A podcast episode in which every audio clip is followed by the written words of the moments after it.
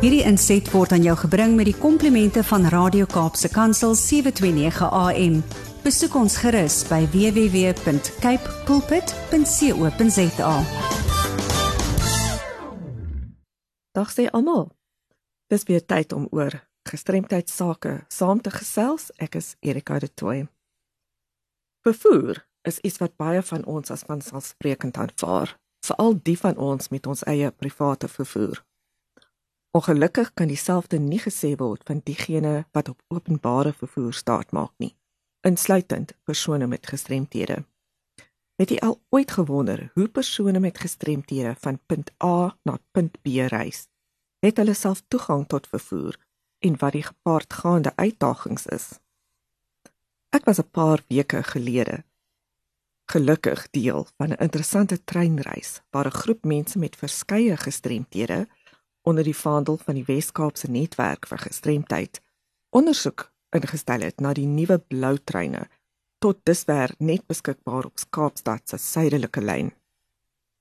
Die owerhede het met trots aangekondig dat hierdie nuwe trein universeel toeganklik is. So ons moes dit natuurlik op die proef stel.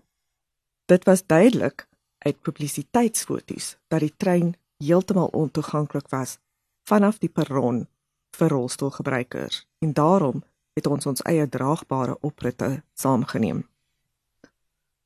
Ons kon Kaapstadstasie redelik maklik bereik, hoewel daar wel klagtes was dat daar nie genoeg toeganklike parkeerplekke in die omgewing was nie.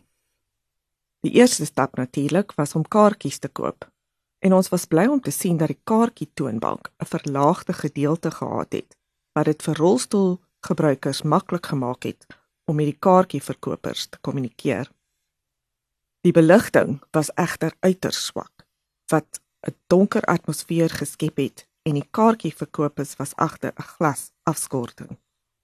Die gebrek aan voldoende lig en die weerkaatsing op die glas het kommunikasie uiters moeilik gemaak vir diegene met gehoorgestremdheid of doofheid. Om die waarheid te sê, almal van ons het die groep het gesukkel om te hoor wat die dames agter die glasgordyn sê en die meeste van ons het nie 'n gehoorgestremdheid gehad nie. Die tyd het aangebreek om op die trein te klim. Om deur die toegangshekke te gaan was maklik genoeg.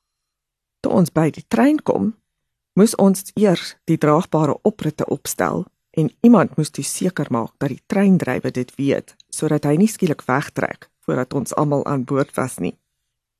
Uiteraard is dit onprakties vir alle rolstoelgebruikers om al eie opritte saam te dra. So dit sal deur die owerhede reggestel moet word as ook toegang tot perronne by alle ander stasies op die roete. Daar is nie meer 'n staalpaal in die middel van die trein deur nie wat dit vir rolstoelgebruikers baie makliker gemaak het om in en uit te gaan. Die paal is nou in die middel van die treinwa wat dit moeilik gemaak het vir groter rolstoele om hulself reg vir die opritte te plaas. Hoopelik sal dit nie 'n probleem wees wanneer die trein en die perron op 'n gelyke vlak met mekaar is nie.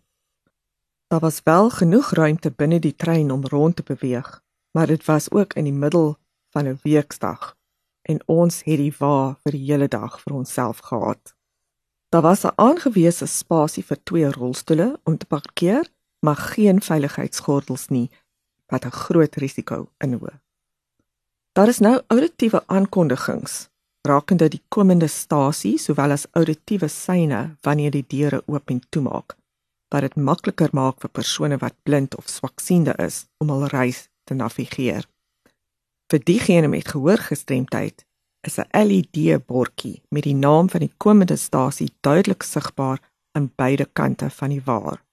Daar is 'n noodkoppie naby die rolstoel area, maar geen aanduiding of dit 'n lusstelsel binne het wat dit toeganklik maak vir diegene met gehoorapparate nie. Die waans het ook nie meer deure tussen mekaar nie, maar is oop sodat dit makliker is om van een wa na die volgende te beweeg, selfs vir rolstoelgebruikers. Om oor die lengte van die trein te kan sien, bied ook bykomende sekuriteit aangesien niemand in 'n wa geïsoleer sal weet sal wees nie. Van sekuriteit gepraat, daar was baie sigbare sekuriteit op die perron by elke stop. Die uitdagingste was van om die trein af te klim.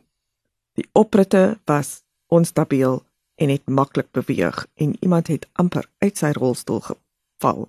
Maar gelukkig kon die regs van ons keer dat dit gebeur.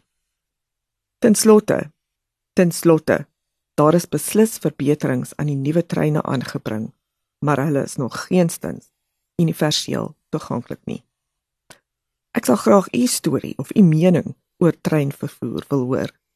So stuur asseblief er u ervaring of navraag aan my by awareness@wcapd.org.za of skakel my op kantoor by 021 355 2881. Hierdie inset was aan jou gebring met die komplimente van Radio Kaapse Kansel 729 AM. Besoek ons gerus by www.cape pulpit.co.za.